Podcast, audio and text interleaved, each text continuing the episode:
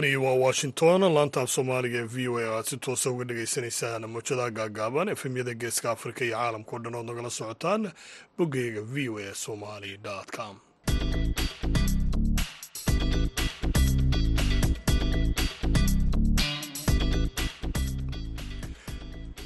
Duhur wanaagsan dhammaantiinba dhegaystayaal meel kastoo aad joogtaanba waa isniin taariikhduna ay tahay saddex iyo tobanka bisha march ee sanadka laba kun iyo saddex iyo labaatan idaacadda duhurnimo ee barnaamijka dhallinyarada maantana dhegaystayaal waxaa halkan idinkala socotiin doona aniga oo cabdixakiin maxamuud shirwac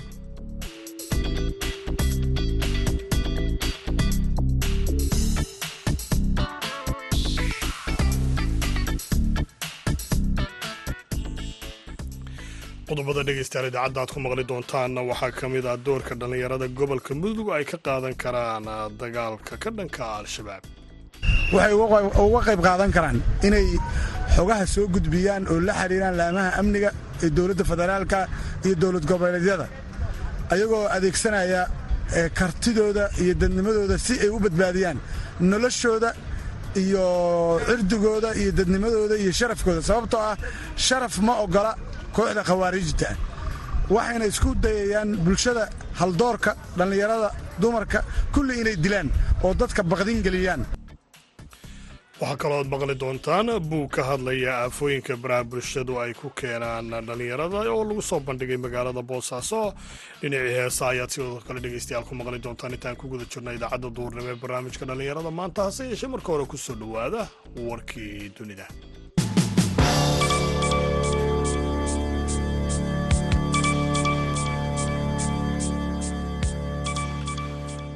madaxweynaha maraykanka jo biden ayaa maanta lagu wadaa inuu ka hadlo hanaanka bangiyada dalkan maraykanka kadib markii ay xukuumaddu muujisay inay isku dayeyso inay daboosho suurtagalnimada xiisad ka dhalatay fashil ku yimi laba bangi oo waaweyn oo dalkan maraykanka waaxda dakhliga ee maraykanka ayaa war ay shalay soo saartay ku sheegtay in dadkii lacagta ku kaydsan jiray ee bangiga xaruntiisu ay tahay gobolka california ee silicon valley bank iyo weliba ka fadhigiisu yahay magaalada new york ee signature bank ay awood u heli doonaan lacagtooda isniintan maanta. Iyadoo sidoo kalena maamulku uu sheegay in aanu jirin wax khasaara oo la xidhiidha. Qaraarka silicon valley bank iyo weliba ka signature bank islamarkaana loo ogolaan doono cashuur bixiyayaasha lacagtoodaasi halkaasi ugu kaydsan. Madaxweynaha shiinaha si jinping ayaa qorsheynaya inuu u safro dalka ruushka si uu ula kulmo dhigiisa dalkaasi valadimir putin ee toddobaadka soo socda iyadoo ay sheegeen arrintaasina dadka ka agdhow xaaladda islamarkaana tallaabadani ay imanayso xilli ay ka soo degdegtay intii hore loo filayay inay ku dhacdo. Qorshaha booqashadan ayaana yimi xilli shiinuhu uu heshiisa nabadeed u soo bandhigay dalka ukrain dadaalkaasi oo ay shaki ka muujiyeen reer galbeedku islamarkaana la xidhiidhiyeen. In diblomaasiyadda shiinuhu ay taageero u tahay ruushka wakaaladda wararka ruushka ee taas ayaa iyaduna ku warantay bishii januari soddonkeedii in putin uu madaxweynaha shiinaha u fidiyey casuumada si uu halkaasi u booqdo xilliga guga. Iyadoo geesta kalena wargeyska the wall street journal uu isna hore ugu warramay bishii hore in booqashadiisa moscow waa madaxweynaha shiinaha ee ay iman doonto bisha abriil amaba horaanta bisha mey wasaaradda arrimaha dibadda shiinaha ayaana ka jawaabay in codsi la xidhiidha inay ka hadlaan suurtagalnimada in zing waa madaxweynaha shiinaha ee uu tago moscow. Sidoo kalena aqalka kremlinka ee looga taliya dalka ruushka ayaa isaguna ka gaabsaday inuu arrintan ka hadla amaba uu faahfaahin ka bixiyo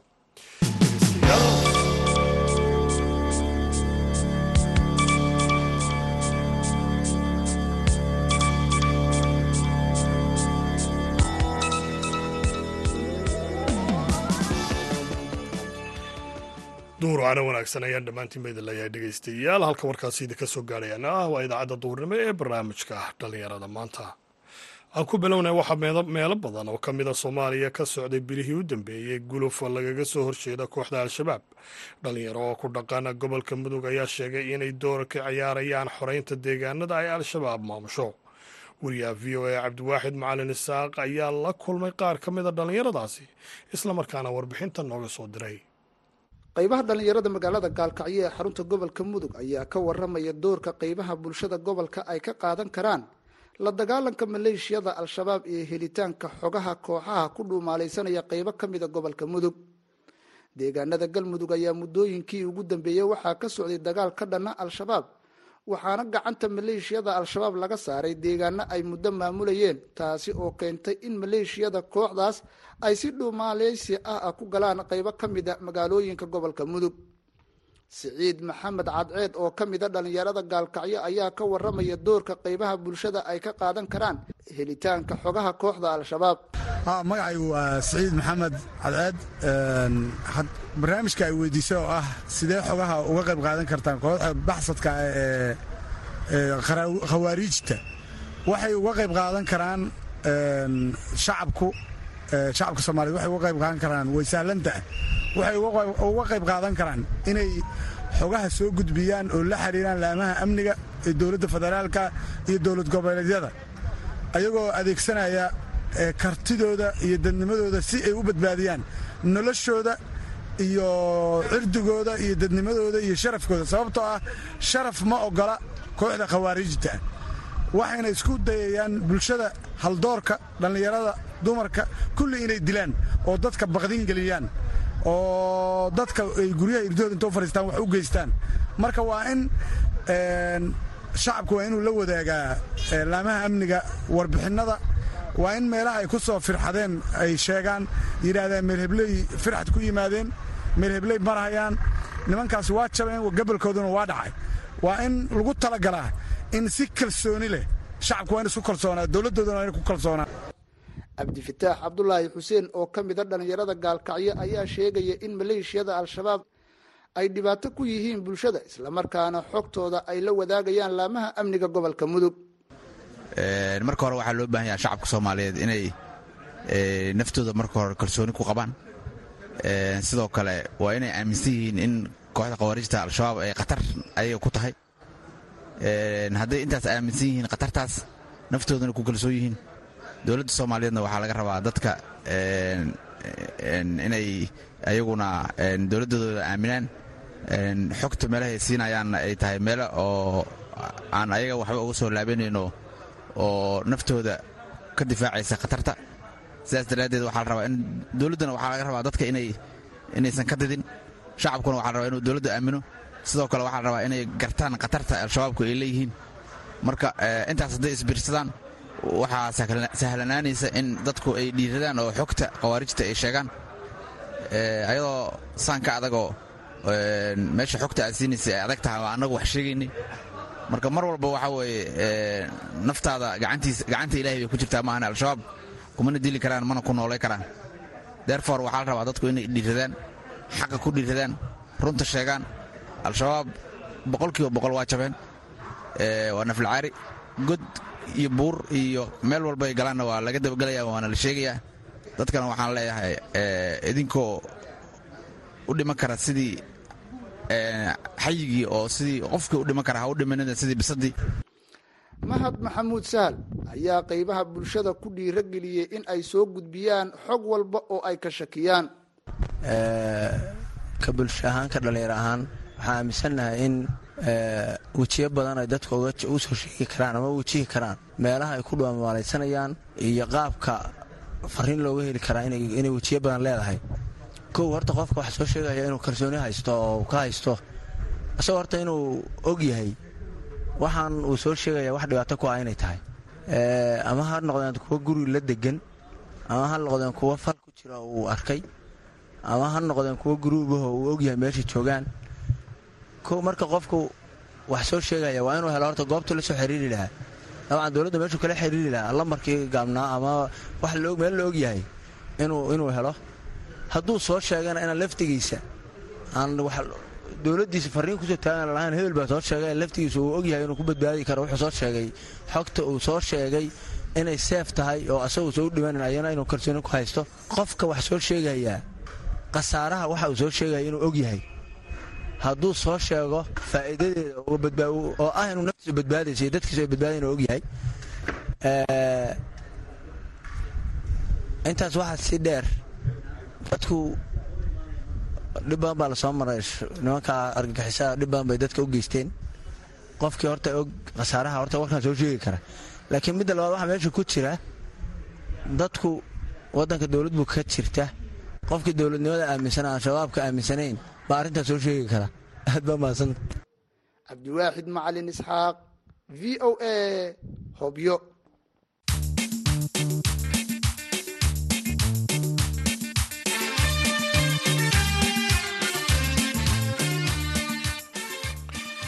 haatanna boosaaso magaalada boosaaso waxaa lagu soo bandhigay buugga ka hadlaya aafooyinka baraha bulshadu ay kala kulmaan dhallinyarada. Buuggan oo ay qortay gabadha da'yar ah ayaa waxa ay bulshada dhallinyaradaha ugu baaqday inaanay ku kadsoomin dhibaatooyinka baraha bulshada. Waryahayaga yuusuf maxamuud yuusuf ayaa warbixintan nooga soo diray xaggaasi bandhigga buuggan oo gabadhan dhallinyarada ay ku soo bandhigtay magaalada boosaaso ayaa ka hadlaya aafooyinka baraha bulshada. Ay ku sameeyaan dhallinyarada waxayna aada uga hadashay dhibaatada ay ka dhaxlaan xilliyada waalidka isticmaalayaan baraha bulshada islamarkaana ay ag joogaan ubadka. Iyadoo si gaaran uga hadashay muuqaalada ay duubaan islamarkaana lagu baahiyo baraha facebooka iyo weliba tigtogga waxayna madasha ka soo jeedisay dhibaatooyinka mustaqbalka ay reebi karaan ayaan axmed kamalle ayaa sheegtay in buuggan ay qoraysay muddo afar sano ah. Sida aad og tihiin waxa aynu nahay hadday nahay dhallinyarada soomaaliyeed ama dhammaan dadka ummadda soomaaliyeed. Ummaddii ugu nasiibka badnaydee adduunka soo marta haddii dhanka kale laga dayona ummaddii ugu ayaanka darnayd ee dunida soo marta waayo waxaynu haysanaa horta waxaynu joognaa wakti uu social media ama baraha bulshada ee adduunka tiknolojiyada ee adduunka saamaysay ma ay jirin waktigii hore? Waxyaabahan hadda soo kordhay sida aad la socotaan soo dadku si fiican bay noloshooda uga faa'iidaysan jireen. Caqabado badani waa ay jireen. Wax badanoo hadda inoo sahlaan oo aynu awoodno in aynu qabsanno daqiiqado. Iyadoo la raba inaynu uga faa'iidaysano ayaynu dhanka kale la aadno. Soo waxaan dhihi karaa waxaynu nahay ummad yacni nasiib daran jiritaankii ciyaalka marka soo kori doono oo ku soo barbaara nolosha teknolojiyada ay hogaanka u hayso waxaan u malaynayaa haddii yacni sida tan inagu aynu ku jirno oo aynu dharanka negatifeka uga faa'iidaysanayno haddii aynaan wax ka bedelin jiilasha soo socdaa dee waxay caadaysanayaan. Marka ilmaha hooyadii tictok sagaashanka iska dubto oo ay halkaa dee ku barbaarsa ilmihii hadha dee wax caado oo noloshiisa ka mid noqday buu noqonayaa dabadeedna wuu la qabsanayaa. Marka waxaan leeyahay dhanka fiican aynu uga faa'iidaysano ku dheeraan maayo iyadoo hadalka la iga damayn doono waqtiguna uu kooban yahay wixii ilaahay iga garansiiyey anoo aqoontayda gaaban iyo yani cilmigay kaashanaya ilaah subxaana watacaala uu ii fududeeyey. Dhinaca kale qaar ka mid a dhallinyarada aqoon-yahanka ah waxgaradka qaybahooda kala duwan oo madasha buuggan ka hadlayay ayaa sheegay inay boogaadinayaan gabadha qodhay buuggan iyagoona ku dheeraaday dhibaatada baraha bulshada uu ku leeyahay bulshada dhexdooda. Si marka looga faa'iidaysto oo ayaana ay u dareento dareen wanaagsan waa buugga oo la qaato wey oo la qaato oo la akhristo wey taasaa iyada wax weyn u ah dhiirigelin u ah. Mujtamaceennu runtii waxaa ii muuqata soddonkii sano oo la soo dhaafay bulshadeenna bulshada soomaaliyeed waliba bulsho aad u qiimo badan wey laakiin nasiib daraa ku dhacdayoo dawlad xuma ku dhacday cajiibka ah oo farxadda sii gelinaya waxaa laga yaabaa inay guriga u joogaan wiilal badan. Marka in ay gabadhii ka hormarto oo hididiilaha intaa leeg ay soo samayso runaantii wax mujtamaca dhan farxad u wada noqonaya weeye. Isagana waa ugu hambalyaynayaa. Buugga dhowr jeer baan isha haddeer intii yareeda aan fadhiyay isha mariyey oo isha ku dhuftay. Run ahaantii waxyaalo badan oo cajiibah baa ku qoran. Halkanna waxa weeye farriin uga daraya in la sameeyo xeerka anshaxa iyo xakamaynta baraha bulshada. Waa xeer muhiima waa xeer xakamaynaya sahlayana in ciddii bulshada dhaqan xumo iyo fasahaad iyo edaabta luminaysa maxkamad lagu soo taago.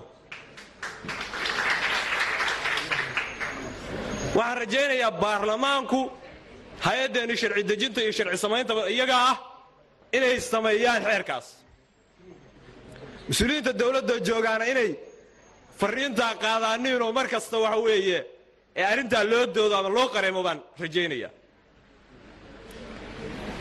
waxaan kaloo rabaa halkanna waxa weeye ka bogaadinaya qoraagu maadaama ay gabar tahay baraha bulshadu waxa ugu badan ee bulshadeenna soomaaliyeed sameeyeen waa dhinaca dumarka ilah waxaa leeyahay masiibaha nagu rida haddaa nagu ridana dumarkaa nagaga rid sababtoo dumarku waa reerkii waa akhlaaqdii waa quruxdii waa sharafteenii marka waxaan rajaynayaa in gabdhaheennu aqoon-yahanka ah runtii waxa weye gabdho aqoon-yahana baa halkan soo camiray. Inay buuggan si fiican u akhriyaan iyagaa hormuudkii bulshada ahe ay waxa weeye weelayaanin talooyinka halka laga soo jeedinayo. Kollay baraha bulshada dayn mayne inaan helno dad badan oo wax qurux badan ku soo gudbiya oo iyaga la dhegaysto ugu dambayntii guddoomiye ku-xigeenka gobolka bari maxamed dalmar bile ayaa sheegay in wax badan baraha bulshada uu ku soo kordhiyey bulshada dhexdooda isagoo sidoo kalena ku dheeraaday khasaaraha uu leeyahay. Nin baa wuxuu soo qoray yani intaa xikmaddii dhammaatay qof wale wuxuu qoraya wuxuu rabo. Wuxuu soo qoray. Dowladda sacuudi carabiya waxay bixinaysaa toban kun oo dollar bay wax mushaar u siinaysaa qofkii bisadaha lisa yaqaan bisadaha qofkii caanaha ka lisa yaqaan oo dollaroo mushaara baa la siinaya wax xigmada balbal meeshay marayso magaranaysa bari bulshada. Anoo taa maskaxda ku haya markuu ii sheegay ma garanaysaa buuggan gabadhu qortay. Baan waxaan inuu ka faa'iidayso caawa bal horta intaa kale bulshada masaxa isugu jiraan meesha bal gaarsii ma ogsoontahay marka ayaan waxaan leeyahay aad iyo aad baa u mahadsan tahay. Marxalad iyo aqoon magaranaysa waqtigeedii timi. Baad la kulantay oo ka faa'iidaysatay. Annana waa ka faa'idaysan doonnaa. Innagana waxayna ku waajiba. Bal buuggan horta in xaafadihii la geeyo oo maxaan ku carruurtii iyo ma garanaysaa xaafadihii dadka ku noolaa ay akhristaan arkaan. Aafad mushkiladina ku dhex jirta weeye waxaan leeyahay waxaan u malaynaa halkan ilaa shan buug baan ka soo qayb galay magaranaysa oo lagu soo bandhigay. Waa buugga iigu saamaynta badan ma garanaysaa buwaagta waxa ii labeeyey buug nin soo qoray noocyada kalluunka dalka soomaaliya magaranaysa kalluunka laga kalluumaysto. Nin dhallinyaro oo halkan ku soo bandhigay baa maarata buugga labaadii ahaa. Aad iyo aad baan ayaan ugu mahad celinayaa aad iyo aad baa u mahadsan tahay waxaan kaloo kuu sheegay ayaan qiimahaagii shalay iyo caawa isku qiimo ma tihid. Caawa waxaa weeyaan waa xataa golden lady. Waxaan odhan karaa baraha bulshada gabdhaha waxay isku soo qoraan iyagoo aan xataa xijaab sanitaysa soo taagan waxay yidhahdaan intee geel la iga bixin karaa ma ogtahay? Laakiin waxaan leeyahay ayaan caawi lamaba goyn karo qiimaheeda bilxaqiiqa runta markii loo hadlo. Noboodi goyn karaa ma jiro. Waxaana odhan karaa cid waliba dalac kama geli karo hadday gabarh tahay. Waayo waxa niman qoraa ahayn oo ka aqoon sarrayn ama heerkeeda dhaafsiisnaynna dee heerkeeda aaggeeda ma soo fadhiisan karo.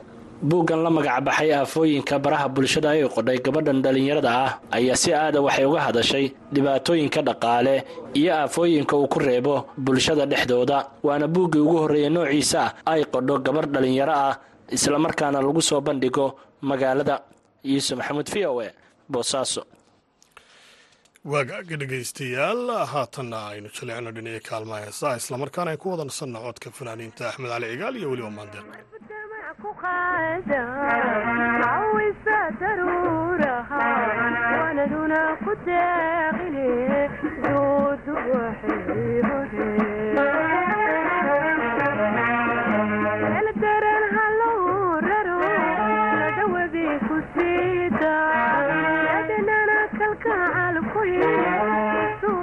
cawisa daruuraha wanaduna ku deeqine duudu waxay hore eldaran hallow raro ladawabi ku siida yadnana kalgacal ku suuso dalxiisiyo dooqaysaace emaa wax laysku siidaeldaran hallow raro ladawabi ku siida yadnana kalgacal ku suuso dalxiisiyo dooqaysaace emaa wax laysku siidamarkiyaan ku doortay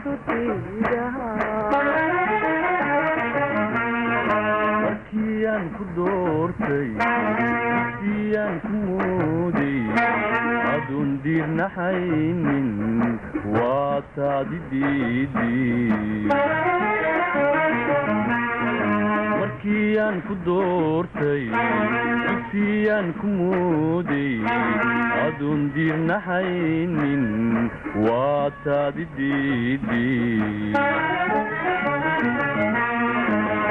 durdurkii markuu guray daqsintii la saansaday dabayluhu ku qaadeen igu nuqu haddaad tidhi u dulqaadan maaye ha igu daalini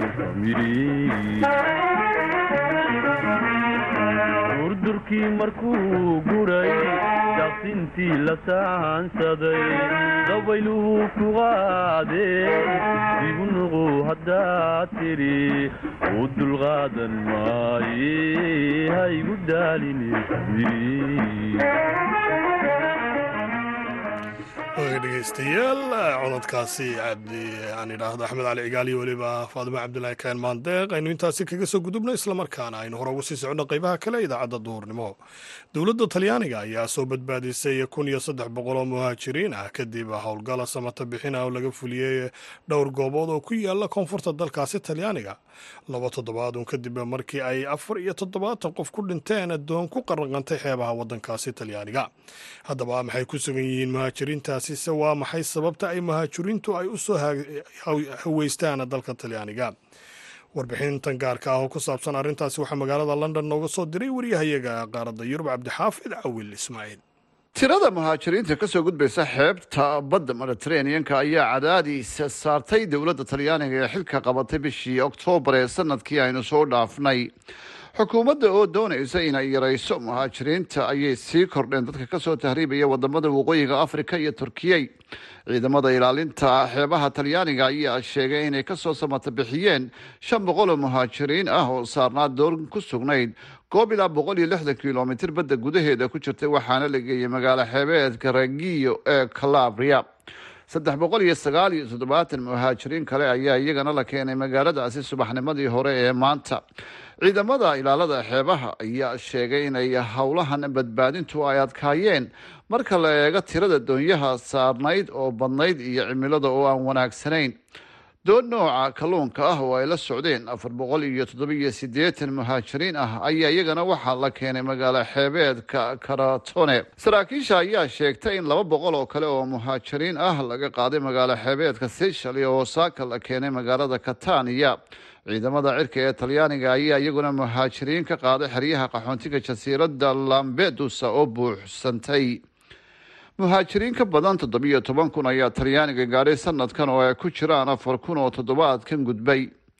Muna cali maxamuud oo ah wariye soomaaliyeed oo degan magaalada rome ee dalka talyaaniga ayaa iiga warantay xaalka samata bixinta tahriibayaasha talyaaniga iyo dowladdu waxa ay ka tidhi muhaajiriinta soo gaadhaya dalkan talyaaniga ee ka soo gudbaya badda mediteraneanka kuwaasoo ka soo kala baxay hadday tahay waqooyiga africa iyo turkigaba ayaa saddex jibaarmay oo cabdixaafid waxaa la sheegay muddooyinkii u dambeeyey inay soo gaadheen dalkan toddobiyo toban kun oo muhaajiriina.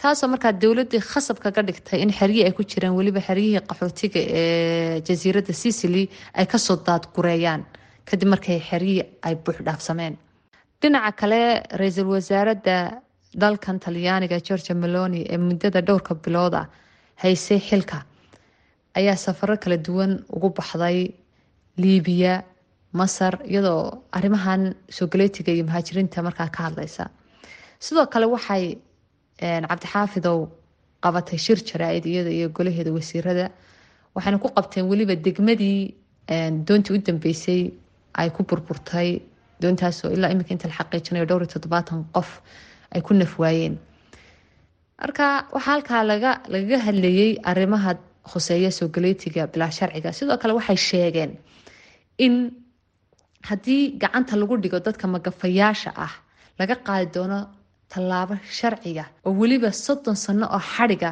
lagu xukumi doono xeer ilaalinta talyaaniga ayaa bilaabay baadhitaan ay ku eegayaan in aanay dowladdu si wanaagsan uga howlgelin doontii dhowaan ku qaraqantay badda kadib markii hay'adda soodimaha yurub ee frontegas uga digtay ciidamada xeebaha inay u muuqato in doontaasi ay siday muhaajiriin badan. Talyaaniga ayaa sheegay in dhibaatooyinka muhaajiriinta ay yurub ka dhaxayso oo loo helo xal wada jira maxamed xasan dable oo falanqeeye degan dalka britain ayaa isaguna sidaasi qaba. Cabdi xafid doodan hadda talyaaniga ka imaaneysa ay ku wajahaan yurub ma aha mid hor leh. Bay u soo socotay laga bilaabo labada kun iyo toddobiyo tobanka. Talyaaniga aad buu wuxuu u gocanayay in ay yurub gacan ka siineyn dhibaatadana isaga ay ku habsatay. Yurub qorshaha u yaalana wuxuu yahay in dowladaha xad kale leh badda mediterraneanka oo talyaanigu ka mid yahay ay qaabilaan dadka. Markaa kadibna dadkaasi qaxootiyowga ama sugulootiga ay yurub kala qeybsato taana sidii la rabay uma meel marin taasoo ay qaateen mowqif ah.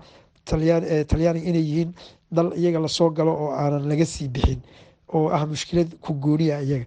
Marka maadaama arinkaas ay garab ka waayeen yurub waxaa dhacday in ay go'aano adag qaataan oo ah inay dadka musaafiriyaan dekadahoodana ay ka xirtaan.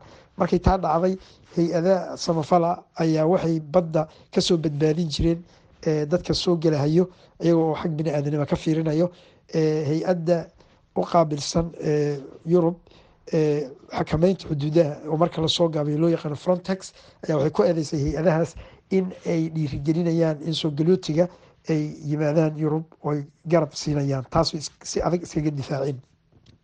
Haddaba arinta ay yurub ku midoobeynin ay mowqif midaysan uga qaadanaynin soo galootiga waxaa weeye maslaxadooda oo dal walba gaar u leeyahay iyo maxay ahaday inay garab istaagaan talyaaniga iyo dowladaha badda dhaco mediterraneanka waxaa ka xoog badan inay maslaxadooda ilaashadaan. Taa waxay ku kalifaysaa talyaaniga iyo dowladaha kale inay go'aano gaar a qaataan iyagana sida mathalan in dowladda xagjira ay soo baxaan oo kale. Go'aanadoodana ay gaar u qaataan. Meydka gabadh yar ayaa sabtidii laga helay meel ku dhow meesha ay doonta muhaajiriintu saarnayd ku burburtay lix iyo labaatankii bishii aynu soo dhaafnay ee febraayo afar iyo toddobaatan qof ayaa ku dhintay shilkaasi sagaal iyo toddobaatan qof ayaa ka badbaaday. Ilaa soddon qof ayaana ilaa iyo iminka aan lahayn. Ururka qaramada midoobay ayaa xaqiijiyay in saddex boqol oo mujaahiriin ay ku dhinteen sanadkan biyaha badda mediterraneanka wagaag dhegeystayaal warbixintaasina waxayna la socodsiinayay waryahayaga cabdixaafid cawil ismaaciil. Haatanna gabagabadii idaacadaynu maraynaya aynu mar kale dib u jaleecno dhinaca kaalmeesa islamarkaana aan ku wada nasanno codka maxamed saleebaan tube